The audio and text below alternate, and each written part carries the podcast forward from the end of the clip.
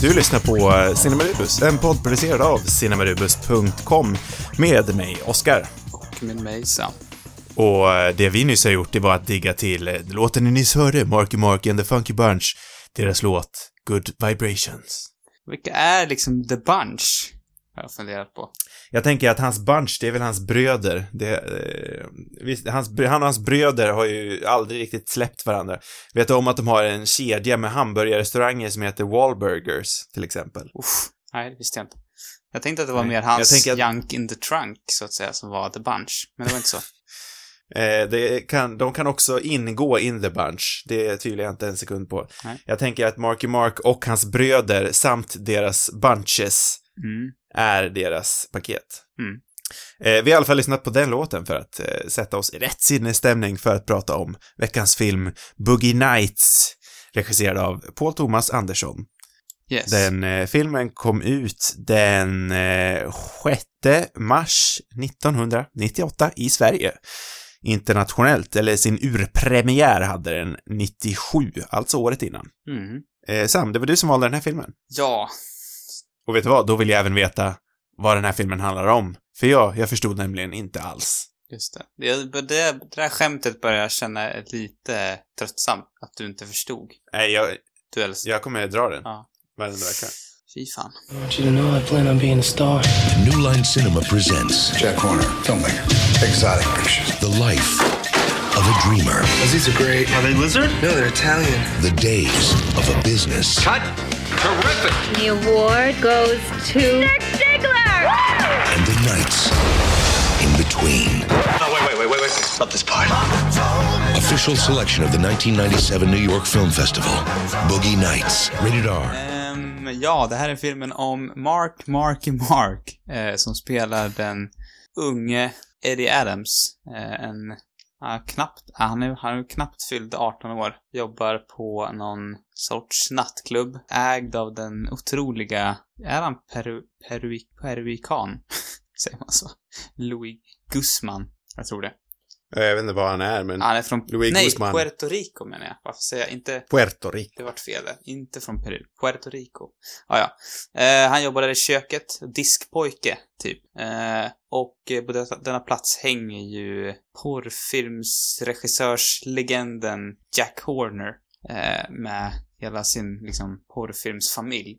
Och han får ju syn på denna unga Eddie och eh, ja, det är kärlek vid första ögonkastet. Den här pojken, han ska bli den nya stora stjärnan och eh, det är väl det den här filmen handlar om också. Man får följa eh, Eddie som sen blir Dirk Diggler, hans eh, alter ego, eh, när han rör sig genom 70-talets eh, porrfilmsindustri som blomstrade, eller som liksom utspelade sig framförallt i San Fernando Valley i Kalifornien.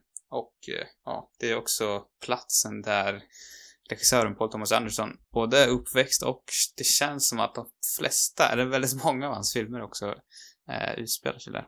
Han bor också för övrigt där fortfarande, tror jag. Ja, du ser. Jag tror ä- även att den återvänder dit eh, med eh, filmen som är kommande. Mm. Eh, en titel som jag inte har sådär på rak arm. Nej, jag tror den bara har en arbetstitel. Eh, vad fasen var det det var? Något. Det är nog inte den riktiga. Så det är kanske inte jätteviktigt. Men Nej, den ska komma eh, i år, tror jag. I, jag tror den har preliminärt, preliminärt eh, datum typ slutet av november. Jaha. Eller, Jag tror de håller på att filma just nu, men jag kan ha fel. Jag tyckte jag såg någon bild på Twitter. nej, jag tror... Eller så var det reshoots. Jag tror, eller jag har läst att de höll på med, med slut... Eh, Jaha, ja, det kanske var en gammal bild, det vet jag inte. i Men... typ november redan. Eh, Men det har ju funnits en del, del bilder ute på, vad heter det, eh, vad heter han nu? Som vanligt står det still. Bradley Bradley Cooper. Cooper i någon vit eh, 70-talsdress. Ja, du ser. Eh, Den bilden jag såg, det var på någon, eh, på någon bensinmack eller dylikt som ja, de hade men där dyker han upp. eh, gjort dem. Mm. Ja, du ser. Eh, du nämnde någonting intressant här på en gång som jag vill eh, eh, kommentera. Mm. Du nämnde uttrycket kärlek vid första ögonkastet, någonting jag även har skrivit upp här i min anteckningsbok Är det sant? och strykit under. För kärlek vid första ögonkastet, det är ju den här scenen när Jack Horner och eh, Dirk Diggler, som jag kommer kalla honom för, Mm. eh, när de först ses, det är ju det här klass, visst är det där klassiska kärlek vid första ögon, ögonblicks eh, bilden vi får se. Ja, där jag tänker att Mark eh, Wahlberg spelar lite av den, den blyga kvinnan, typ som liksom, Ja, ja. Jag vet Jag inte om tänker det- han, det är är, filmat- är han verkligen, ja det kanske är kärlek från hans sida också. Det känns som det framförallt kanske eh, ja det är Horner. nog främst från eh, Jack, från Horner, ja, precis. Eh, sa du att det var spelat av Burt Reynolds? Det, nej, ja, det vet jag inte. Det kanske jag inte gjorde. Men det är det i alla fall. Den legendariske Burt Reynolds och något eh, eh, motståndige till den här filmen, Burt Reynolds. Ja, men precis. Han eh, ångrade väl att han hade gjort, gjorde den. Eller när han fick se första, någon tidig klippning av den så sägs det att han sparkade sin agent för att han var så besviken. Han vägrade väl göra all marketing också för den. Ja, ja, han ville väl inte ens göra den här filmen till att börja med. Det krävdes väl otrolig, eh, otroliga övertygelser från eh, Paul Thomas Anderson för att få eh, Burt Reynolds att göra den här. Syn, alltså det är konstigt för han är ju, han är ju helt perfekt i rollen. Men eh, Ja, ja, alltså det här, han är så bra i den här rollen. han är väl dock inte den enda som makalöst kanske bra. var tveksam till den här typen av film. Känns som Mark Wahlberg är inte heller, var väl också ganska tveksam. Av andra Ja, skäl. alltså jag har läst lite, lite eh, delade meningar om det här. Eh, Men Wahlberg har ju på senare år sagt att han ångrar, han har blivit en born again katolsk person. Mhm, Born again Christian inom katolismen.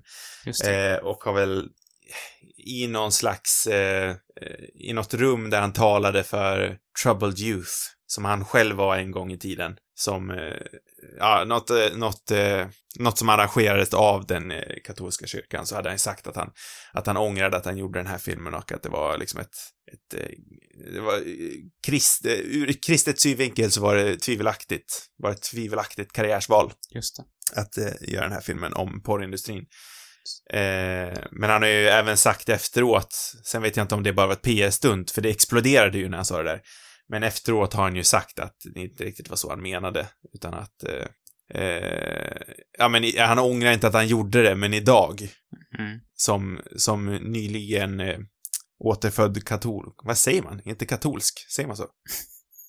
Katolik. Som katolik, så säger man. eh, som nyligen återfödd eh, katolik så, eh, så hade han inte gjort det där valet idag. Just det. Men, Men eh, sen, alltså den här filmen, det är ju anledningen varför han är... Eh, exakt, hade han inte gjort det valet hade Va- han kanske aldrig varit där han var, även om han var känd innan. alltså anledningen varför Marky Mark ens kan umgås någorlunda i det kulturella finrummet är ju på grund av den här filmen. Och Paul Thomas Anderson. Ja, verkligen. Eh, jag fattade också som att han, att han var, eller när, liksom, när han fick det här manuset så var han ju tveksam också och det var väl mycket att han var ganska van med att bli objektifierad och tänkte sig att det här var ännu en sån roll för han, ja, om man har sett den där videon till Good Vibrations så han ju, han, han hade inget emot att studsa runt i bara överkropp och eh, han Nej. gjorde väl också flera kända, typ Calvin Klein eh, reklamer och sådär så att han, han var lite Ja. rädd att han hamnade i den här rollen av det skälet bara. Och det gjorde väl också honom tveksam. Historien jag har hört är ju en intressant koppling jag har, sett nu under min research, om Marky Mark är ju att eh, det verkar som att han, i alla fall då, aldrig läste manus. Mhm. Den första stora filmrollen han fick Mhm. eh, var ju efter han hade gått på någon slags runway eh, med Kevin Klein. Så hade Penny Marshall, eh, känd, eh, numera avliden, men känd eh, bortgången, eh, känd regissör och manusförfattare och Danny DeVito när de skulle göra sin film Renaissance Man Mm. så såg de någonting i den här unga mannen på, på catwalken. Och så frågade de honom om han ville vara med i, i deras film. Eh, men han hade ju inte läst en sida av manuset, men han sa ja ändå. Just det. Så när de förde in han i rummet för att fråga om vill du göra den här filmen, så skådade de ju igenom på en gång. Fan, du har inte läst en sida av det här manuset. Men okej då, vi ser någonting i dig. Du får vara med om du vill. Och, eh, och samma sak hände ju då när, eh, när eh, Marky Mark fick manuset till Boogie Nights. Mm. En roll som ursprungligen var tänkt att gå till Leonardo DiCaprio. Just det. Som tackade nej för att istället göra floppen Titanic. Vilken miss. Vilken, vilken karriärsmiss. En alternativ Eh. värld hade varit ändå kul att se och de liksom bytte plats med Marky Mark Ja. och Titanic. Ja, de är ju helt olika energier. Mm. Eh, men intressant hade det varit. Jag kan inte se det. Men... Jag tror aldrig att, eh, att DiCaprio hade gjort... Eller, hmm. Jag, det slog mig nu att ja, kanske ändå skulle kunna gjort något hyfsat bra. Men jag vet inte, det, Marky Mark känns som klippt och skuren för den här rollen. Det är ju, Ja, men för Marky Mark har ju en helt liksom, han- om vi tänker DiCaprio vid den här tiden, mm, hade ju mer av en pojkaktig charm. ja, fast Marky Mark är också pojkaktig, men han är lite så Fast han har den här senare. liksom street, han har, nej jag menar, jag tycker att Marky Mark har en ton, tonårsaktig Ja, jo. charm. Han, han har ju det, han- det känns som att han kommer direkt från gatan och det är det som gör det hela lite. Han har lite hybris. Mm. Redan liksom innan han träffar Jack Horner så har han lite hybris. Fast han är också han inte- väldigt han- pojkaktig. Ja, jo, det är han väl delvis. Jag tycker det är det som är så härligt. Han, Men- han är liksom, han är ju typ världens snällaste. Han är så jävla trevlig i början. Och så här, eh, liksom positiv till allt. Och han har liksom verkligen uttrycker pojkaktig naivitet på något sätt. Eh, jag vet inte, det, jag tycker inte riktigt, eller jag håller inte riktigt med om att det är någon sorts street-känsla på det. Jo, men lite, för jag, jag får ändå det, men det är kanske någonting jag tar med mig utifrån. Mm. Sen finns det, han har ju det här problematiska förhållandet till, till moden och Mm. det kan säkert finnas kanske, där kanske han kan hämta från sitt eget, jag är inte insatt i hans privatliv, men där kanske det finns något att hämta. Ja, nej, alltså Marky Mark är ju, har ju, vi kanske borde sluta säga Marky Mark, han hatar tydligen det, som jag förstår det. Men Mark, eh, Mark. Wahlberg känns också som ett, Mark Wahlberg känns någonstans som ett tacksamt mobboffer, jag vet inte riktigt, han känns inte som en sån här människa som kan tål, tåla eh, så här vänskapligt gnabb. Nej, kanske inte. Jag tänker att han är en sån som exploderar och bara tanken av lite vänskapligt gnabb. Mm. Han vill bara ha medhåll, bara bli struken medhårs. Han har ju blivit tråkigare och Eh, tråkigare. att- Det här är ju, han är ju, han pikade ju här och sen har det bara gått Ja, men han gjorde ju verkligen det. Bara för att avsluta min story. Eh, han, eh, eh, när, han blev ju rekommenderad av DiCaprio och alla andra Mm. eh, att, eh, till Paul Thomas, Paul Thomas Anderson att du, du borde kolla på Marky Mark. Han, han vill göra det här, han hade varit bra. Eh, och Marky hade ju bara läst 30 sidor om manuset där. Han hade ju läst mer än vad han hade gjort i, i, i, av Renaissance Man. Men han hade bara läst 30. Han kom in, eh, Paul Thomas Anderson gjorde samma sak, han synade honom på en gång, att du har inte läst allting. Men det Marky Mark ville försäkra sig om var ju då det här som du säger, att eh, han ville inte bara vara den här eh, kalsongkillen igen, han ville vara säker på att det inte bara var därför han blev anställd. Mm. Så alltså han är ju en affärs... Han, alltså, han, har, han har bra koll på sin image, Mark Wahlberg. Det måste man igenom. Kanske lite väl bra koll på, på sin image. Han är väldigt mån om att framstå som han själv vill. Mm. Ja. Eh, och det är ju lite det som gör att jag har tappat, alltså Mark Wahlberg är ju inte så charmig idag som han är här, för det är ju som du sa här innan jag avbröt dig, att han pikade ju här. Ja, och ja men här finns det, eh, han brydde sig väl kanske då också, men då kändes det som att han brydde sig om andra typer av grejer. Nu, nu blir han ju ganska bland, känns som. Att han, de filmer han gör, har gjort på senare år, där är han mer Mark Wahlberg. Jag har i och för sig inte sett så många av dem, men, men här, den här är också en mer vågad roll än mycket annat. Ja, men det, det finns ju en vilja här att inte ta sig själv för seriöst, för även när Mark Wahlberg gör komedier idag, Mm, jag tänker på den här uh, The Other Guys, heter den så? Mm. Som han gjorde med Will Ferrell. Även där spelar han ju en idiot. Ja, Men han är någonstans, eh, han, jag ska säga, alltså han är ju, han är en idiot, alltså här, han är dum i Boogie Nights, han är inte dum numera. Han är fortfarande den här, eh, liksom glidande coola idioten. Han har fortfarande en aura av coolhet och självsäkerhet när han spelar komedier idag. Här, han är så brutalt ocool. han, är, han är så jäkla tönt i Boogie Nights och jag älskar det. Mark Wahlberg som en tönt som inte har koll på att han själv är en tönt. Han är perfekt, Det är bland det han är perfekt också i, i den här porrfilmsvärlden liksom. Det, Mm. det funkar så bra. Han gjort lite samma resa som eh, Tom Cruise där tycker jag, om man tänker med rollerna också. Att det är lite mer så här vågat och sen så blir han sin Mark Wahlberg-persona och då, då blir det liksom mer och Mm. mer ospännande till slut. Jag jobbar bara med Pete Berg till exempel, eller ibland om man vill göra någonting, om man vill försöka få en Oscar, så jobbar han med David. Russell. Ja. Eh, det är typ de två han, Michael Bay i och för sig har han gett sig in med lite också, men det är typ de tre han jobbar med. Mm. Ja, det finns ju fler sådana här what-if-castningar eh, på den här filmen. Inte bara Leonardo DiCaprio utan även Warren Berry var ju inblandad. Ehm, eller han var väl, Paul Thomas Anderson hade väl mycket snack med honom och eh, var väl intresserad av att han skulle spela Jack Horner egentligen. Men, men Warren Berry hade väl typ missförstått det där, eller om han trodde att han skulle spela Dirk Diggler. fast han vid den här tiden var liksom, ja inte vet jag, gammal 60 år kanske. Närmare 60 i alla fall. Ja, den eviga sexguden, alltså det finns ju någon sån här sjuk... Ja, han påstår ju, påstås ju ha legat med så här sjukt många. Ja, Det är så hutlös summa människor han anses ha legat med. han kände ingen tveksamhet alls till den här rollen. det var liksom, Jag tolkar, jag tolkar ju den här historien, jag har också hört det här, men jag tolkade det mer som att eh, eh, båda var överens om att det var Jack Horner han skulle spela, men att han innerst inne, båda insåg att han innerst inne helst ville spela Dirk Diggler. ja, det låter ju mer rimligt än att, han att det skulle varit liksom ett klart missförstånd. Det låter lite overkligt. Men jag vill ändå, Men det är jag hoppas roligare. det. det är absolut om man googlar en bild på Warren Beatty 96, typ. ja. Ja. Men eh, jag, jag tror faktiskt att Beatty hade gjort ett väldigt bra jobb som Jack Horner, jag ser det. ja, som Horner hade det varit.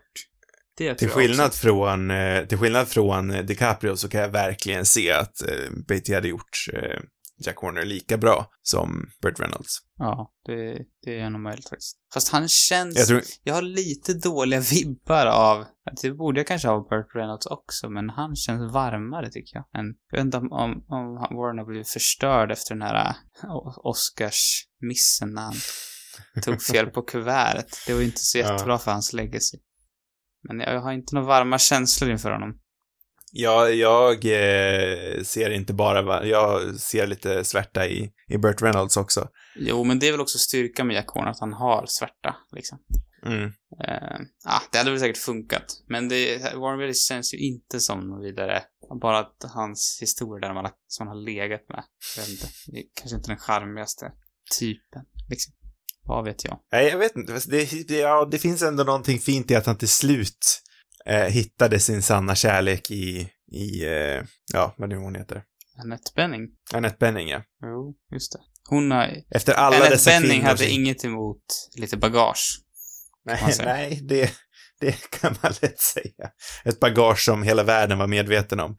Det känns lite som att det är en stor lögn också. Alltså att han skulle kunna ljuga ihop allt. Inte för att... Ja. eller han hade nog inga problem att ligga. Det är nog inte det. Men, Nej, det tror jag verkligen inte. men han ser... Han ser ut som en lögnare, tycker jag. Men det finns ju också lite status kan jag tänka mig att vara anses, eller att vara den som hela världen ser som shit, Annette Benning, hon lyckades tämja hingsten som var Warren Beatty. Ja, jag tänker så. Det som ingen annan lyckades med, det gjorde sexbomben Annette Benning. Så kan man ju också ses. Ja, ja, jag vet inte. Det hade ju varit... Hör kanske varit, inte till sak. Hade han varit kvinna hade han ju... Ja, det hade han inte. Jag vet inte. Det hade varit lite annan syn på hans sexliv då. Så är det. Det är en annan problematik eh, för ett annat samtal. Det tycker jag vi ska verkligen fördjupa oss i just nu. Ja, absolut, det gör vi. Men eh, som sagt, jag, jag kan faktiskt se, jag gillar castingen med Warren Beatty. Jo, absolut. Eh, för det är ju ändå intressant att eh, eh, Anderson skriver ju alltid, jag vet inte om han fortfarande gör det, men vid, det här, vid den här tiden så skrev han ju rollerna anpassat till skådespelare. Det är ju många som har olika syn på det här. Att om man skriver en roll för en viss skådespelare så lyckas man inte få den, att det då liksom blir fel. Mm. Eh, Men i det här fallet så gjorde han ju det och eh, i vissa fall så fick han ju skådisen han ville och i andra fall fick han inte det. Eh, till exempel så skrev han ju rollen till Julianne Moore. Han, henne fick han ju. Mm. Och han skrev ju roller till sina polare. Eh, Philip Se- Se- Seymour Hoffman och John C. Reilly bland annat. Han skrev den till Warren Beatty. Ja, de visste han ju att han skulle få. Där skrev han ju, där finns ju även en historia om att han skrev roller som eh, skulle utmana dem. Att han, han pratade med sina polare om att eh, vilka roller skulle ni vilja spela som ni inte blir rollsatta som? Ska jag skriva någonting som kan utmana er? Och då gör han ju det. Och det är liksom kul också, för det ger ju en bredd till Riley och Hoffman till exempel. Ja, ja, verkligen. Eh, men sen så skrev han ju även roller då till Warren Beatty och till DiCaprio som han inte fick och det funkade ju utmärkt det med. För både Marky Mark och eh, eh, Burt Reynolds gjorde ju sina livsbästa roller i den här filmen. Ja, nej, men jag tror den... Tror ändå den metoden kan funka ganska bra, liksom. Ja. Det är mer för att få Ja, inspiration som sagt, till en ju- karaktär. Eh, Ja. Sen känns det som att det borde ju vara lättare på sätt och vis när man blir mer liksom, det är ganska ballsy tycker jag för de här unga. Att de liksom, Mm. det är likadant Tarantino snacka om vilka han skulle ha i sina tidiga filmer. För han är väl också en sån som skriver åt specifika skådespelare. Mm. Men om det är någonting eh, Paul Thomas Anderson har haft så är det ju bollar. Alltså han, han gick väl till Burt Reynolds och sa att om, efter han fick nej typ sex gånger, så gick han till Burt Reynolds och sa att om du gör den här rollen så lovar jag att du kommer få en Oscar. Eller bli nominerad för en Oscar i alla fall. Mm. Och det blev han ju. Ja, rätt. Han visste vad han snackade om. Ja. Men eh, som sagt, det, han har bollar, precis som Marky Mark och hans Funky Bunch. Ja, möjligt. Men eh, Ja. eh, jag tycker vi borde, jag, jag vill på något sätt börja i, i början på den här filmen. Eller vad man ska säga. Mm. Gärna. För eh, den, ja, alltså för att bara börja liksom, fasen vilken otrolig film ändå. Jag har inte sett den här tidigare. Vilket känns lite skamligt och lite synd. Eh, för känner redan att jag vill se den många gånger till. Men den har ju Mm. ett sånt otroligt, eh, en sån otrolig självsäkerhet. Det känns som någonting vi ofta Ja, men återkommer till. det, det, Men det är sjukt. det här fotot är ju liksom, det kan inte bli bättre. Och eh, hur den, hela filmen rör sig med den här självsäkerheten och eh, den här känslan av att allt är i rörelse hela tiden och, och eh, de här levande karaktärerna och platserna och, ja, jag vet inte, det är, det är så, så otroligt svårt att förstå hur en så pass ung regissör lyckas med det här eh, ändå mästerverket tycker jag. Ehm, Ja. för han var liksom 26 år, tror jag, när den här kom ut. Paul Thomas Anderson, eller när han Ja, gjorde jag tror han var 27 när den kom ut, men den var väl 26 när den spelades in då kanske? Ja, och eh, han hade bara gjort en film tidigare. Han är liksom, så frustrerande, han är samma ålder som jag och han har gjort den här filmen. Det, som vanligt så sitter man och mår lite dåligt. Men ja. det går typ inte, man slutar inte bry sig för att man får så mycket ut av den här filmen. Så att man blir ändå glad på något sätt. Eh, Jag menar alltså från sekund ett blir man ju, alltså man, man är så säker på att det här är ett mästerverk från första scenen. Ja, och det, ja, det är lite som någon, eh, den har väl jämförts en del med, eller att, ja, Anderson är väl inspirerad av Scorsese bland annat och det är ju väldigt mycket den Mm. här känslan som till exempel Maffiabröder, den här öppnings, den här långa tagningen som följer dem in på den här nattklubben i första scenen. Den känns Mm. Ja, den är, den är otro, alltså otrolig. otrolig. Så bra den är. Ja, och sen har de verkligen fått, 70-talskänslan är också så perfekt och den är på Mm. något sätt, eh, alltså den är väl klyschig fast ändå inte tycker jag. Alltså den har, eh, alltså musiken är ju väldigt, liksom kanske inte de mest smala valen man ska säga. Även om det är väldigt, det, det är, men det är fortfarande, jag tycker det funkar väldigt bra ändå liksom. Jag, jag tror det finns ett taktiskt val i det också för att automatiskt sätta en i, i sinnesstämningen. Ja, och för att kanske sälja, eh, sälja skivan också har jag hört någonting om. Ja. Eh, men, men om man kollar liksom kostymerna och platserna och, ja men det är så trovärdigt gjort och det blir inte, vissa sådana här 70-talsskildringar kan ju bli rätt pajiga. Eh, absolut om de inte har fått till fotot, men den här ser ju ut också att vara filmad liksom på samma, inte, med samma känsla i, i fotot Mm. som om den var, vore från 70-talet. Ehm, nej, jag tycker det är klockrent rakt igenom. Och sen är det roligt med, det är roligt med en, för det här är verkligen en film som hyllar film på något sätt. Mm. Men den hyllar Ännu porr, en gång, en porrfilm från istället. förra veckan. Liksom. Det, och den ser, den liksom romantiserar, eller jag vet inte om den romantiserar filmen, men nästan typ. Jag skulle ändå säga det, även om den senare delen kommer till mer, liksom, de mörkare delarna. Men i början så är det liksom, så romantiserar den verkligen porrfilmskapande och det här glada, eh, sexliberala 70-talet innan aids, Mm. när, eh, ja men det känns som att de här liksom älskar det de gör. Typ. Det gör de visserligen kanske Mm. inte helt ut, men, men det, det är någonting med att liksom ta porrfilm och göra det precis som förra veckans film med eh, Cinema Paradiso där man liksom hyllar ja, ja, film eller biografer och cinema. Typ. Och här tar man med samma liksom eh, samma känsla fast man tar 70-talets porrfilmsindustri istället. Det är, ja, Mm. det är något härligt rent Mycket har ju sagts om det förr, men alltså det är ju kanske främst är det ju den här familjen som skapas i, under filmskapandet mm. som är det som hyllas. Kanske, alltså egentligen kvittar det vad de gör. De här hade ju kunnat jag menar, de hade kunnat gjort en smal dokumentärfilm om kloakråttor. Ja, men absolut. Och jag tror att samma känsla hade förmedlats. För det är just den här familjen som skapas med eh, Burt Reynolds, Jack Horner i ledningen som är liksom det centrala. Ja, nej men precis. Det, det är det här dysfunktionella gänget som på något sätt Ja. förenas. Eh, och ja, men i den här så väldigt speciella världen också. Eh, det, det är väldigt bra fångat tycker jag. Och det blir Mm. ju också, det hade ju lätt kunnat blivit ett Alltså hade filmen fortsatt i den stilen så hade det ju något sätt nästan känts som en hyllning till, till porrfilmen. Alltså att porrfilmsindustrin Ja. bara var härligt och gött och att folk hade det toppen, typ. Men, men den slutar ju inte där, utan vi får ju också se eh, baksidan. Sen så ha, finns det ju en del som liksom kritiserar den här filmen för att den ändå har typ för, ja, oproblematiserande kanske vy av den här branschen. Men jag, jag, jag tycker väl ändå att den slutar, alltså man tänker, utan att spoila så mycket, men den, den har ju, den, den går ju till rätt mörka platser i den tredje Mm. akten. Så att, att den helt skulle liksom, att den skulle sakna något, en kritisk vy på det, känns, det håller jag inte med om. Den är ju inte helt liksom ambivalent till eh, Alltså vart den utspelar sig. Alltså det finns ju problematik inom porrindustrin, men jag vet att eh, Paul Thomas Anderson även har sagt att eh, nej men att att, att det inte är något fel i att filmen både ser det positiva och det negativa i, i den här industrin. För det uppenbarligen för de här karaktärerna Mm, så finns det ju även någonting bra att ta det ur mm, ja, allting är ju, alltså allting behöver inte vara helt bra och allting behöver inte vara helt dåligt. Det kan finnas gråzoner och nyanser i, ja men det finns gråzoner och nyanser i allting. ja, och det är väl ändå det filmen visar på något sätt. Ja, ja, men det landar ju inte i att någonting är helt rätt och helt fel. Alltså när, när allting är som värst i den här filmen, Ja. det är ju när de är ifrån varandra. Ja, exakt, det är det som är det centrala. Ja, och den slutar ju, ja, det ska, det ska inte säga för mycket, men alltså den, den slutar ju ändå i någon slags triumf och liksom återkomst, eh, som inte heller liksom är, ja men det är inte helt svartvitt. Nej, Utan det finns ju något mö- mö- mörker i det också. ja men verkligen.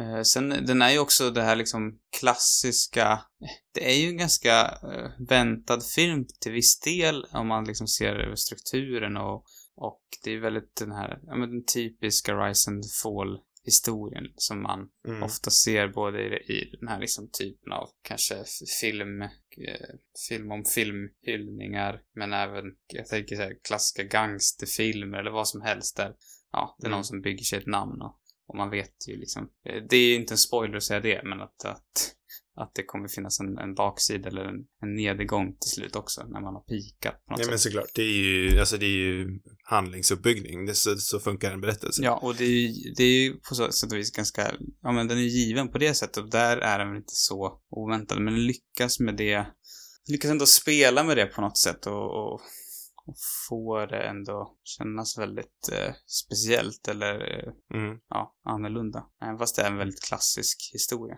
mm. Den, det är alltså, om- om man, ska vara halvt, om man ska öppna ett kritiskt öga, Mm, absolut. så kan jag den här, jag har sett den här filmen förut, så kan jag den här gången känna att det är, det är ju kanske väl mycket eh, mon montageaktiga sekvenser i den här filmen. Det känns som att den går från montage till montage. Mm. Det blir liksom, liksom nästan tre stycken så här praktintroduktioner till alla karaktärer. Vi introduceras nästan tre gånger. Det finns en poäng i det. Vi öppnar ju den här äh, klubbscenen som vi snackade om. Mm. Vi träffar allihopa. Sen så bryter Paul Thomas Anderson väldigt snyggt i att vi introduceras till allihopa igen en gång till när de kommer hem. Mm. Och vi får se att de här är helt andra människor när de inte är i, i eh, porrindustrins glansljus. Eh, sen så är det, nu kommer jag inte ihåg eh, exakt, men det är ju typ en till introduktionsscen på en hemmafest va? Eller minns jag fel? Mm, nej, jag, Eh, där vi nästan en gång till får möta allihopa. Det är väl där vi för första gången möter John C. Reilly om jag inte minns helt fel. Ja, ah, just det. Det kanske är tredje gången, ja. Är det det som är poolpartyt, typ? Du tänker Ja, exakt. Ja. Jag tror jag har glömt Eh. bort den, den emellan.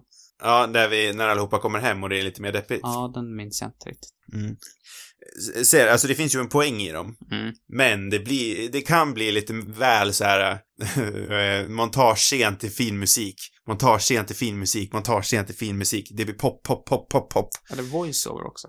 Nej, den har inga voiceovers den här filmen. Nej, voiceover är det väl inte? Nej, ja, det men det är ganska skönt. Jag tänkte på, Mm. apropå montage, eller vad man ska kalla det, men början på Casino, som känns som att Mm. första timmen är någon sorts introduktion. Och då är det dessutom Ja, voiceover också. nästan en pseudo, ja, pseudodokumentär nästan. Det, det känns aldrig den här filmen som. Nej. Men när vi ändå är inne på, när du är inne på det tycker jag vi, vi måste ju nämna, det är ju Mm. ett gäng ro, andra roliga skådespelare också, utöver Mark Wahlberg och Burt Reynolds. För det är ändå, Ja, det här är ju en av de bästa rollistorna någonsin. Ja, det kanske är. Det, ja, jag vet inte vad jag skulle säga det, men det är ju, det är ju en väldigt bra rolllista och det är, man introduceras ju också till Paul Thomas Andersons favoriter på något sätt. Mm. Eh, John C. Reilly, han har väl inte varit med, så mycket på senare år, men han var ju med i de här tidiga filmerna i alla fall. Mm, Eh. Vi har ju, Ska vi ta en eh, rundown igenom, bara för att läsa upp dem? ja, vi måste ju säga någonting om alla också. Jag tycker John C. Reilly är ju, jag har ju tidigare varit, haft svårt för honom, men jag tror det beror på att jag har sett liksom lite trötta Will Ferrell-aktiga filmer. Börjar du nu förstå min otroliga kärlek till John C. Reilly? Ja, Jag älskar honom. ja, ja men jag har, jag, ha- jag hade redan vänt tidigare. Jag undrar om det var, jag vet inte om det var Magnolia kanske, eller någon annan tidigare också. Men, nej men den kan jag verkligen förstå. Han spelar den här dumma, den ännu mer korkade nästan. Alltså han får ju eh, Mark, Reed Rothschild. han, han får Mark att kännas smart på något sätt. Att han är ännu mer korkad. jag, jag, jag älskar den här scenen när de introduceras och eh, eh, Reed försöker konstant liksom toppa, Just det. toppa Dirk Diggler. Det är så fruktansvärt roligt. Ja, jo, verkligen. Eh, så nej men han är ju en höjdare. Sen Julianne Moore. Eh, hon är ju också helt otrolig. Eh, det, jag vet inte hur mycket hon hade gjort innan det här. Men Ja, men ändå en del. Ja. Eh, det här är ju faktiskt, eh, hon har ju, hon har ju jobbat med Spielberg och eh, Altman innan det här. Hon har ju liksom varit med i, i Jurassic Park 2, The Lost World. just det. Hon var ju med i Shortcuts med Altman och hon var ju även hyllad eh, teaterskådespelare i New York. Så hon har ju, hon har ju en karriär. Den här rollen var ju skriven till henne. Mm, just det. Och Altman kan man väl också nämna som en av Andersons stora favoriter och inspirationer. Ja. Eh, ehm, nej men hon är ju också otrolig. Eh, en av dem som blivit, eh, eller blev Oscarsnominerad också med eh, Burt Ja. Reynolds. Ehm, Jo, men man kan väl säga det liksom att den här filmen cementerade henne som en av eh, hennes generations all, absolut allra bästa skådisar. Ja. Eh, för även fast hon hade blivit hyllad innan, eh, både på tv, scen och film, så var det som sagt här hon fick sin första, första Oscarsnominering. Eh, den här leder ju till att hon jobbar med eh, eh, Paul Thomas Anderson en gång till och blir hyllad ännu mer i Magnolia till exempel. Och ja, vidare går det.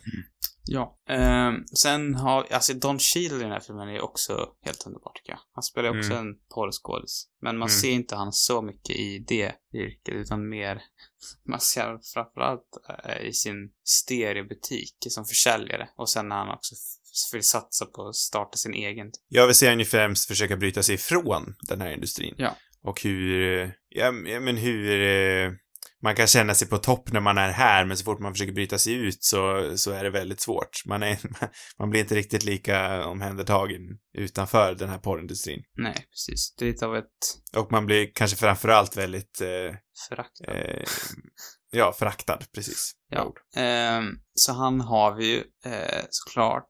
ehm, han har väl inte, har han gjort några fler samarbeten med Anderson? Jag tror inte det. Det är lite synd. Det, jag skulle vilja säga Ja. att han gör mer den här typen av roller. Han är ju, han har en jäkla bra liksom humor, eller komisk touch tycker jag. Eh, Jag tror han spelar väldigt mycket sånt här på tv just nu, som jag, jag har inte sett något av det, men jag tror att Black Monday spelar nog någonting liknande. Just Sen det, hade han väl någon annan har serie jag för några år sedan. sett en bit av. Eh, House of Lies spelade han ju också för några år sedan. Där tror jag också han hade en liknande roll. Så han gör ju det här, men jag tror inte han gör det så mycket på film. nej. nej, nej men han är väldigt bra tycker jag. Och sen Mm. William H. Macy som den här eh, mannen som blir, ja vad säger man? William H. Macy, han är liksom skapt för att alltid tycka synd om honom. Mm. Det är någonting så otroligt eh, sympatiskt med honom. Man tycker alltid synd om honom. Ja, hans fru liksom ligger med den ena mannen efter den andra i publika sammanhang. Typ. Ja, ja han spelar ju lite Bill och han är väl någon slags eh, produktions... Eh, överhuvud. Ja. Production manager eller någonting liknande är ju och hans fru är ju porrskådis som sagt. Och ligger konstant runt med andra utan att bry sig vidare mycket. Eh, till eh, William H. Macys Little Bills stora förtret. Ja. Sen har vi ju också ljudkillen eh, Scotty som spelas av Philip Seymour Hoffman. Eh, där har vi ju en riktig Paul Thomas Anderson-favorit. Jag vill bara understryka att du sa ljudkille och inte judekille som jag trodde att du sa. Jaha. Ja, nej. Det hade varit konstigt. Är han judisk? Seymour Hoffman? Nej, det tror jag inte. Tror du inte? Men det tog mig några sekunder när jag fattade, vad säger du? Judekille? Ja, jag tänker att han skulle kunna vara det. Men det behöver inte... det var inte det det handlade om. Nej. Nej, nej, det kanske han inte alls är. Han har ju tysk bird. Irländsk. Ja. Ja, nej. Ja, ja. Ja, han spelar relevant. ljudkillen. Men han är eh, också väldigt bra. Eh, han har ju också en, lite av en crush på, på Mark. Djupt i garderoben. Mm. Eller så djupt är han kanske inte, men han vågar inte komma ut i alla fall. Nej. Ehm, vad har vi mer för personer? Vi har ju också, han dyker upp i en liten roll. Eh, vad heter han? Den äldre mannen som kommer in lite senare som är, eh, tror Thomas Anderson. Philip Baker Hall. Exakt. Andersons favoritskådis genom alla tider. Eller det sa han i alla fall på 90-talet. Ehm, Ja, men nästan till. Han var ju huvudrollen i Paul Thomas Andersons första film, Hard Eight. precis. Och har väl eh, konstant eh, dykt upp i eh, efterkommande filmer. Ja. Sen har vi Alfred Molina som är helt otrolig. Thomas Jane måste vi nämna också. Just det. Vänta, vem är det? Det är... Det är han eh, med mustaschen som spelar den här kokainlangaren. Mm. Som också är hemma hos Alfred Molina. Ja, för han är också för detta porrskådis väl? Ja, men exakt. Just det. Ja, han är bra. Lite past his glory skulle jag säga och har blivit kokainlangare istället. Vad heter han som spelar den här gamla gubben som, som åker sen dit för typ pedofili? Eller pedofili? Eh, Ehm, han, är, han är jävligt bra på att spela den rollen. Jag vet inte vem det är, vem skådisen är, men... Robert Ridgely. Ja, okej. Ja, det är bra. Också, också, han spelar The Colonel.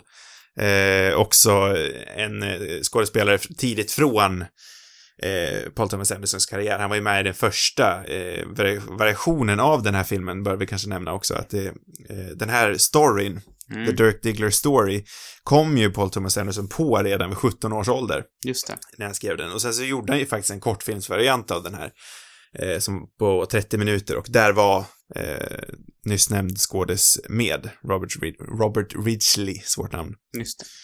Och den var väl ännu mera mockumentary-aktig, om jag har förstått rätt. Ja, exakt. Ehm, ja. Så han var ju en av dem som gick över, dock inte i samma roll. Jag tror att han spelade eh, Burt Reynolds-rollen i den, men jag kan ha fel.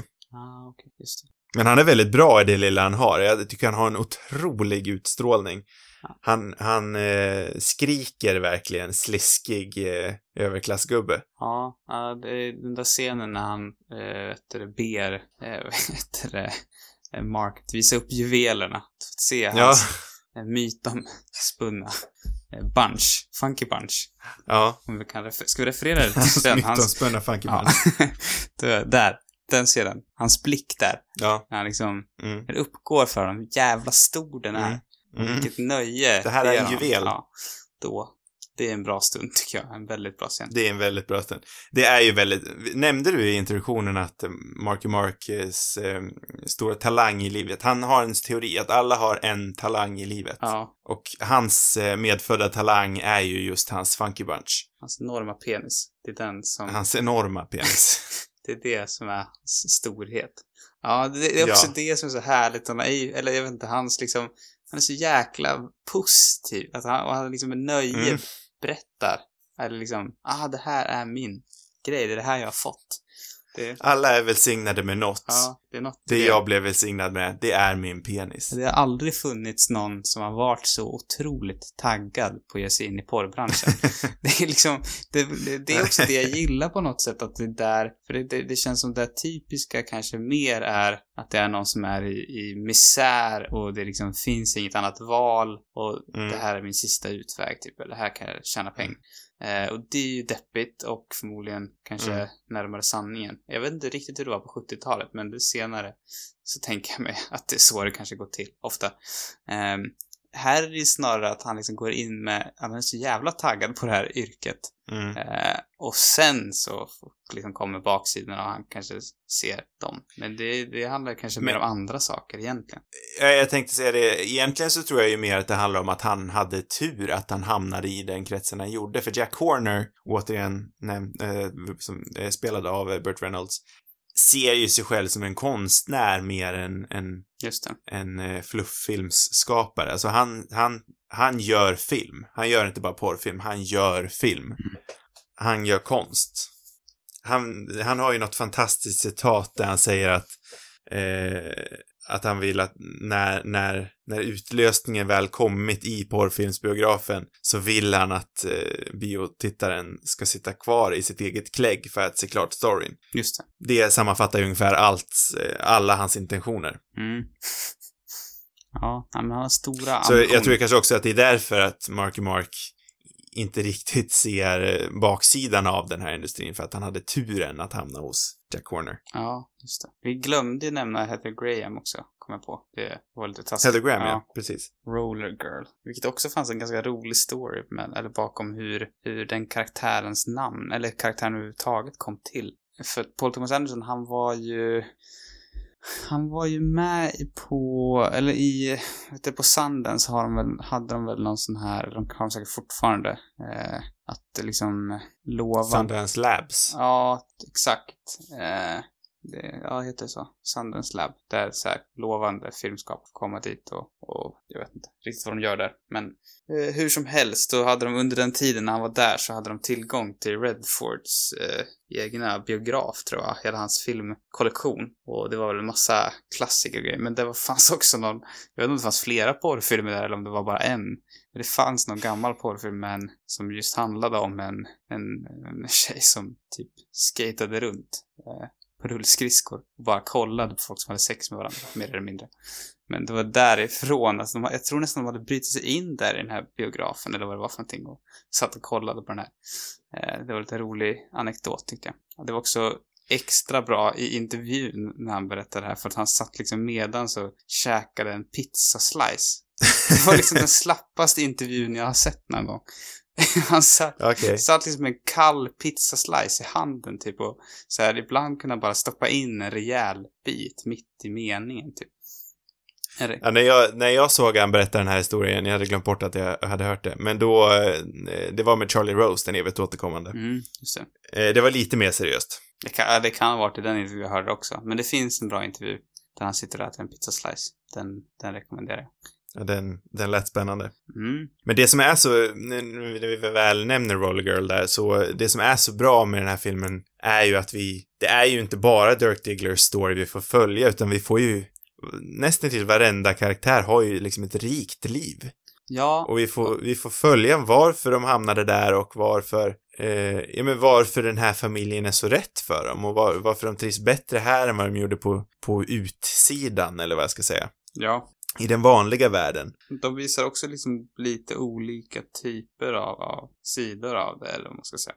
Så att alla blir ett, något sorts eget exempel. Ja, det är väldigt bra. Mm. Vi, du eh, nämnde ju nyss, eh, jag pratade lite över dig då som jag brukar göra. Eh, du nämnde ju Alfred Molina Mm, just det.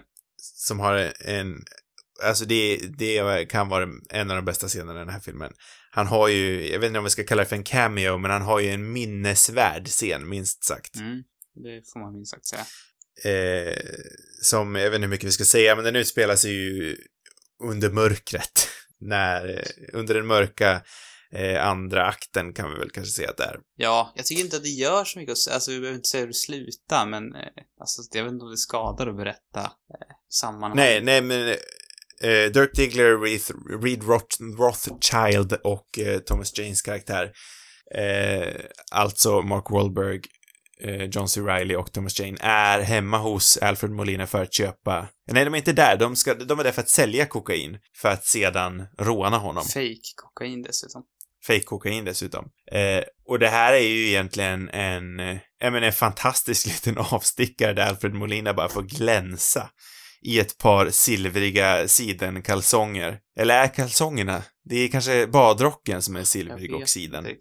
Det tillägg, man borde kanske tillägga också att han är väl en, en big shot liksom, inom... Ja, han är en big shot inom någonting. Vi får inte riktigt veta. Det Men vi får veta är att han har oändligt.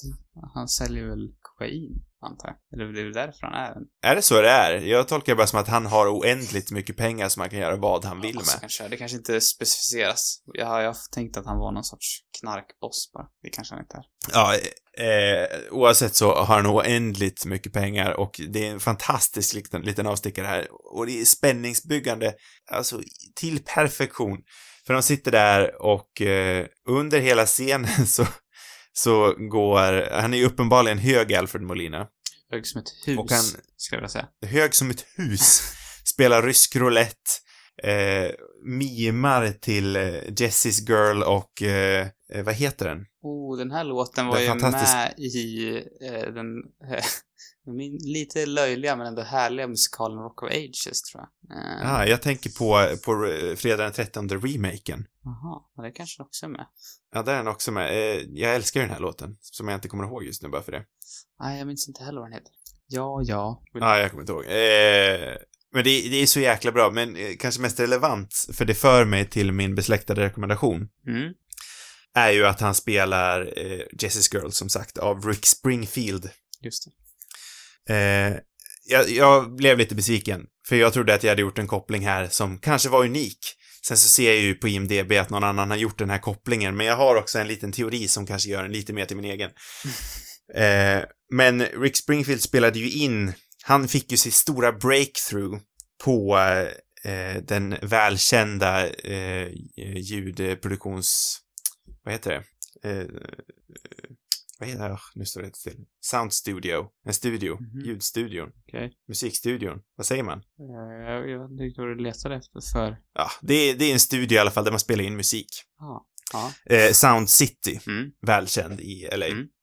Eh, där ser vi även tidigare i filmen att eh, Mark Wahlberg befinner sig när han, när han eh, gör sitt tappliga försök till musikkarriär. Och han sjunger eh, låten från den första eh, tecknade Transformers-filmen. Mm. Eh, min besläktade rekommendation den här veckan är just en dokumentär om, om Sound City, eh, regisserad av Foo Fighters frontmannen Dave Grohl. Just Sound City heter dokumentären. Eh, en av mina favoritdokumentärer faktiskt. Mm. Eh, så det är min besläktade rekommendation, men till min lilla fanteori. För när eh, Mark Wahlberg sitter där hemma hos, eh, hemma hos Alfred Molina så lyssnar de ju på Jessie's Girl medans kameran går in i hans ansikte. Mm. Och han får någon slags insikt. Jag har efter detta insett att de flesta tolkar den här scenen som att Mark Wahlberg bara är helt hög som ett hus helt enkelt. Helt borta. Men i mina ögon så ser jag att det här liksom bara vidare för Mark Wahlbergs mindervärdeskomplex, att det här liksom bara, att hans eh, insikt till att, att han inte tagit sig någonstans i världen bara fördjupas. För när han hör Jessie's Girl av Rick Springfield som var på Sound City där han själv misslyckades att eh, vidareföra sin karriär så inser han bara att shit vilket misslyckande jag är och jag sitter här tillsammans med några kokainmissbrukare och är verkligen på botten av livet. Mm. Då ser jag att han liksom får en otroligt eh, djup personlig insikt och eh, senare tar sig ur den här eh, slumpen och eh, går tillbaka till Jack Horner. Just det. Det är min lilla fanteori. Ja. Kanske svårt att hänga med i om Ja, man inte vet Den historien. var lite komplex. Eh, men huvudsaken är i alla fall att eh, Rick Springfield fick sitt stora breakthrough på Sound City. Eh, Rick Springfield hörs i scenen med Alfred Molina. Mark Wahlberg fick inte sitt stora breakthrough och hånas därmed av eh, Rick Springfields låt Jessie's Girl. Jag gillar att vi måste göra en sammanfattning för att det var en så komplex. Eller hur? Jag kände själv att det var väldigt flummigt. Ja, men det är bra. Det är min besläktade rekommendation. Jag, fick, jag lyckades väva in den på något halvsnyggt, kanske fult komplicerat vis. Kan man ha en besläktad rekommendation som man inte har sett? Är det underligt? Det kan man få ha. Jag har ju sett eh, några avsnitt av HBO-serien The Deuce, som också utspelar sig i typ Ah, ja. eh, samma tid. Eh, som följer, fast det är inte eh, i Kalifornien utan det är ju New York istället och den följer både prostituerade tror jag som börjar, eller som hamnar i, i porrindustrin också. En mycket mer eh, mörk, en mycket mörkare serie måste man säga, eller en bild av, av den här tiden än vad, eh, vad Boogie Nights. Det är inte, den känns inte så härlig. Eh, och det här med att, folk vänder sig till industrin för sitt egna nöje känns långt borta. Ehm, Mm. jag vet inte varför jag... Den är väl även skapad av eh, David Simon, va? Eller minns jag fel? Ja, The Wire-snubben va? Eller? Nej? Ja, exakt. Jo. Ehm, ja, nej men jag, jag tänker att det är en bra serie. Ja, det jag såg var ju bra. Jag vet inte riktigt varför jag inte... Det kanske blev för tungt. Och därför jag inte orkade se, för den är verkligen deppig liksom. Mm. Ehm, Ja, för det är ju inte den här filmen. nej, den här är lite mer, lite mer härlig liksom. Ja, Ja. men om man vill, om man vill liksom eh, på något sätt känna att den här var lite för positiv, då kan man se den och bli lite dyster istället. The Deuce på HBO och eh, Sound City som går att hyra på eh, Apple TV och säkert andra hyrtjänster också. Exakt. Våra besläktade rekommendationer. Mm. Ehm, vart ska vi ta oss härnäst? Alltså det finns ju så himla många saker att prata om. Ja, vad, vad har vi? Men samtidigt så känner jag att eh, vi har pratat ett tag. Jag har pratat ganska mycket om filmen, tycker jag. Eh, Ja, det, ja, jag vet inte om jag har så mycket. Inget livsviktigt. nej inte Jag är inte heller. du otroligt eh, påläst på eh, the golden age of porn? Inte alls. Nej. Jag måste ju säga det, jag var, alltså jag hade som plan, den här filmen är ju baserad på en, eh, eh, halvt baserad, den har tagit inspiration av en annan porrskådespelares liv, John Holmes. Ja, precis. eh, som var en porrskådespelare som gick igenom ungefär samma resa som eh, Dirk Diggler gjorde här. Eh, han dog ju senare eh, av aids-komplikationer. Mm. Eh, så, så mörkt slutar ju inte den här filmen, den eh, slutar ju lite gladare som sagt. Men även han var ju känd eh, för sin stora penis. Just det. Ja, det fanns väl någon dokumentär som påminner om den dokumentären som Julian Moores karaktär Det var exakt det jag tänkte säga. Jag, jag, ser, jag har ju nämligen sett, jag googlade efter den här dokumentären och såg att den fanns att se i, i, i sin fulla prakt Jaha, på diverse porrsidor. ja, okej. Eh, Jag hade som plan att kolla på den här dokumentären faktiskt, men det blev inte av. Just det. Det är någon sorts intellektuellt besök på en porrsida. Intellektuellt porrsurfande. Just det. Ja, men det är Jag, spännande. jag är faktiskt rätt ledsen att det inte blev av, för jag, jag hade helt och hållet tänkt göra det. Mm. Ja, men det, det låter bra. Jag, jag tänkte att jag skulle vara Eh. mer påläst också på guld, porrens guldålder, men jag har bara skummat Ja. Wikipedia-sidan tyvärr. Men det är ju verkligen Ja. där, den började ju, om man ska lita på den så började den 69 med eh, Andy Warhols Blue Movie. Eh, och sen slutade den någonstans där, eh, 84 typ, när videon dök upp, gissar jag. Som sker i det här, i den här filmen. Ja, det har vi inte nämnt så mycket. Det, det är ju någonting vi faktiskt inte alls har nämnt, att eh, den här filmen skildrar ju någonstans eh, väldigt tydligt 70-talet och 80-talet och de tydliga kontrasterna och hur, eh, precis som vi såg förra veckan i Cinema Paradiso också när när eh, videofilmen kom in Ja. och eh, tog ifrån glansen en del av, eh, av porrfilmen. För på 70-talet så var ju porrfilmen fortfarande någonting man, man gick till bio för att se. Man, man gick någonstans för att se på en porrfilm. Ja, men precis. Det var, det var ju verkligen stort. Eh, och eh, den här klassiska Deep Throat till exempel, som är regisserad av mannen som åtminstone Tarantino menar att, eh, att eh, Anderson har inspirerats till Jack Horner. Alltså Mm. eh, Jared Dema, Dem, DiMaggio? Dam, Dam, Damiano. Nej, jag vet inte. Jag, Damiano, så, jag, säger man nog. jag, jag, jag lyssnade faktiskt på den där podden när den eh, kom ut. Mm. Eh, Det är några år sedan vi har laget. Eh, Men jag såg, jag, jag kommer ihåg att han hade något slags, någon slags långsökt invändande till den här filmen bara för att eh, eh, ja, någon slags orimlig insider-info om att, eh, om att Paul Thomas Anderson inte eh, vill erkänna att eh, Jack Horner liknade någon annan. Konstig kritik tycker jag själv, men Men jag vet inte om det är så mycket av en kritik. Jag tror nog att eh, det är nästan som att, som att någon har bett honom att hitta en kritik och då var han tvungen att ta upp lite skryt samtidigt för att liksom visa att jag kan den här, jag kan porrfilmsbranschen också som fan. Eh, nej, jag men jag, jag, jag vet inte om det är så här, men jag, jag har en känsla av att det finns en rätt liksom påtaglig rivalitet, kanske otalad rivalitet mellan Paul Thomas Anderson och eh, Tarantino. Ja, men jag tror de är ganska, jag tror de är, ja, jag vet inte om de är vänner, men jag tror de är ganska nära. Eh, det har nog bli, blivit mer av en rivalitet.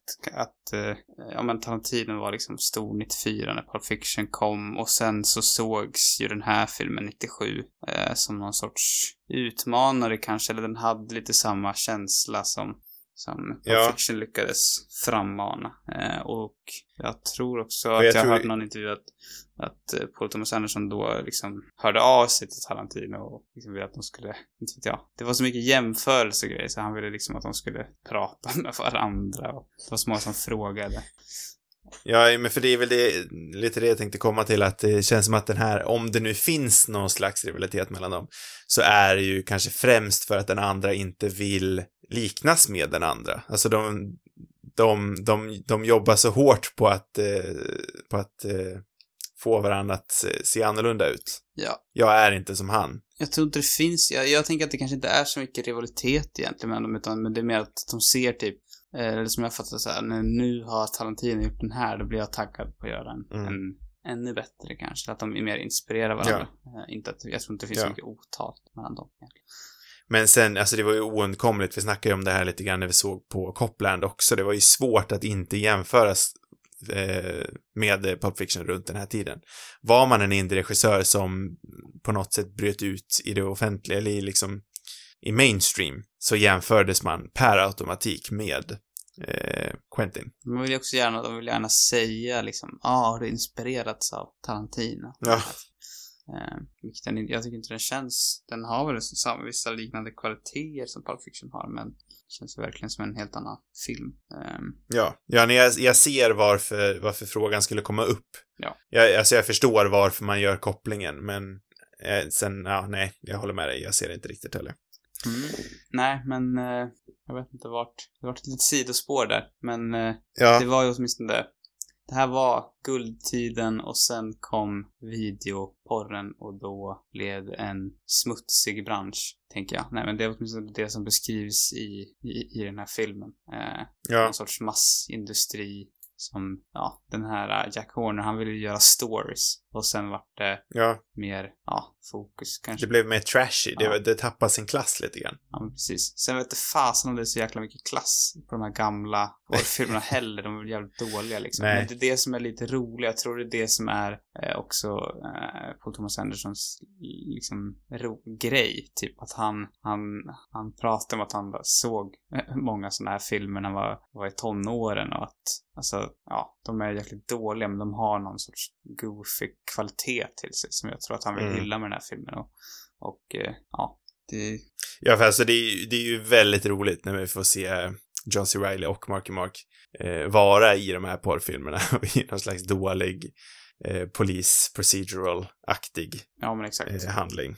Det är ju väldigt roligt. Ja. Men gjort med kärlek, som sagt. Mm. Det kanske är filmen som Tarantino önskar att han hade gjort. Det kanske är så. Det kanske är det som är Kanske. grejen. Kanske. Sen kan jag hålla med honom om att den här Damiano, han känns nog som att han kan ha inspirerat Jack Horner. Jo, men så är det ju säkert. Men jag förstår inte riktigt varför det är en kritik. Men det är kanske som du säger också, att de, de försökte krysta fram en som jag gjorde lite tidigare också. Eh, Eh, Steven Schneider, han tycker att man ska se den här filmen innan man dör. Och Sam, jag tror att jag vet svaret, men tycker du det? mm. Den här veckan känner jag mig säker. Jag med. Alltså det här är ju en jävla pangrulle. Alltså den här filmen är så sjukt bra. Ja, det är, jag vet egentligen inte så här, det är mycket som är ganska enkelt med, alltså det är mycket som är, det är en klassisk historia, men det, det görs med sån jäkla finess och humor och det finns också ett, ett mörker där som ändå är ganska avgrundsdjupt, som, som ger filmen allvar tycker jag. Och, eh, Mm. nej men, nej. Och sen är den så jäkla underhållande. Den är precis som någon sån här, eller den är bättre till och med, men den är lite som en sån här Linklater-film också, bara att man hänger med det här gänget på något sätt. Mm. Det här härliga dys- dysfunktionella gänget eller familjen. Svår, svårslaget. Jag försöker, jag försöker måla upp någon slags eh, fin bild här av att det, det är liksom en färgexplosion målad på en svart canvas. Mm. Det, Det försökte du måla därför, där, därför, därför, det, det, var det, jag, det var det jag satt och försökte leta efter. Mm. Men eh, du, du förstår vad jag menar. Alltså, det, det, det finns ju ett mörker där bakom konstant, som du säger. Men det är ju den här, det är ju färgerna man ser kanske främst och det är någonting väldigt snyggt med det. Ja. Jag tycker den här filmen är så jäkla bra och eh, sen, jag vet inte om jag tycker att The Master, jag har bara sett The Master en gång. Men den tyckte jag också var fruktansvärt bra. Det är den här, eller The Master, som jag tycker är Paul Thomas Andersons bästa. Inte... Även om du har någon åsikt där. Ja, alltså... There will be blood är kanske bäst... Eller ja, det här är ju nog, nog det mest underhållande tycker jag som han har gjort. Men Mm. There will be blood kanske är den bästa ändå. Det är nog de två som är mina absoluta favoriter i alla fall. Jag tycker att The Web of Blood är bra, men jag, jag ser inte riktigt storheten som alla andra gör, men jag kanske borde se den igen. Mm. Sen tycker jag Inherent Wise var rätt härligt flummig också. Eh, Ja, den har jag inte sett. eh, nej, men jag, jag, och sen skulle jag, jag har fortfarande inte sett vad heter det, Adam Sandler-filmen eller Punch Drunk Love. Nej, den har inte jag heller sett faktiskt. Den kan jag tänka mig är riktigt trevlig. Jag med. Men eh, båda av oss eh, tycker alltså att man borde se den här filmen innan man dör, om det nu finns ett sånt måste. Och det tycker Steven Schneider också. Eh, nästa vecka, Mm. då är det min tur att bestämma film. Och jag eh, har ju tänkt att vi ska fortsätta lite på det här sexiga temat. Just det. det, sommar, sommartemat och sextemat. Eh, sommarfilmerna fortsätter och för vi ska se på den eh, eh, svenska filmen regisserad av Arne Mattsson från 1955, eller 51 menar jag, förlåt. Den heter Hon dansade en sommar med Ulla Jakobsson och Folke Sundqvist i huvudroller. Det här var tydligen en stor svensk eh, biosuccé när den begav sig. Mm.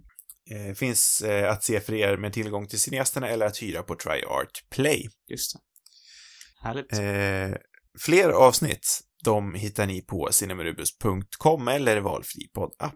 Har ni frågor och vill ha svar, då skickar ni in dem till cinemarubus.gmail.com. Sociala medier, det har vi också. Där hittar vi Cinemarubus på Instagram och eh, Twitter. God natt allihopa. God natt.